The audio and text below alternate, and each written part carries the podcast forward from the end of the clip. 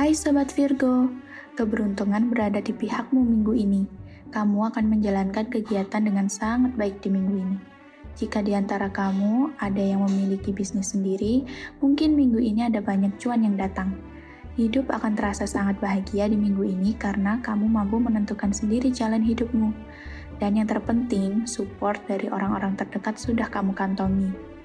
Untuk keuangan, kondisi keuanganmu yang stabil bisa menenangkan hatimu di minggu ini.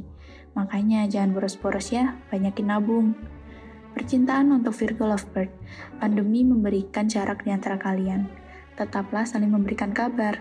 Dengan berkabar, tidak akan ada kecurigaan yang muncul di antara kalian. Untuk sobat Virgo yang masih single, jangan terlalu menutup diri, nanti gebetanmu pergi. Kayaknya gebetanmu punya perasaan yang tulus kok ke kamu.